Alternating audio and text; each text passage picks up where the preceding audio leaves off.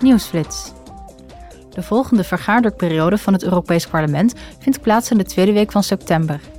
Op de agenda staan onder meer de versterking van de Europese defensieindustrie, waterverontreinigende stoffen en geografische aanduidingen voor ambachtelijke en industriële producten.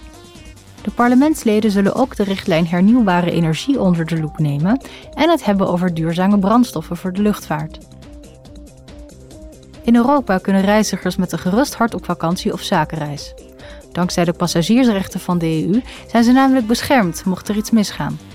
Reizen kan stressvol zijn als ongeplande vertragingen, annuleringen en zoekgeraakte bagage roet in het eten gooien.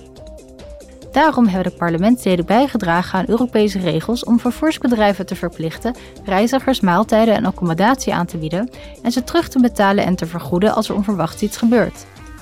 Reizigers kunnen op de website Your Europe terecht voor gedetailleerde informatie over passagiersrechten voor alle soorten vervoer.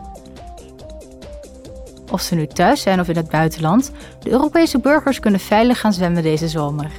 Bijna 96% van de zwemplaatsen voldoet namelijk aan de minimumeisen voor waterkwaliteit van de EU.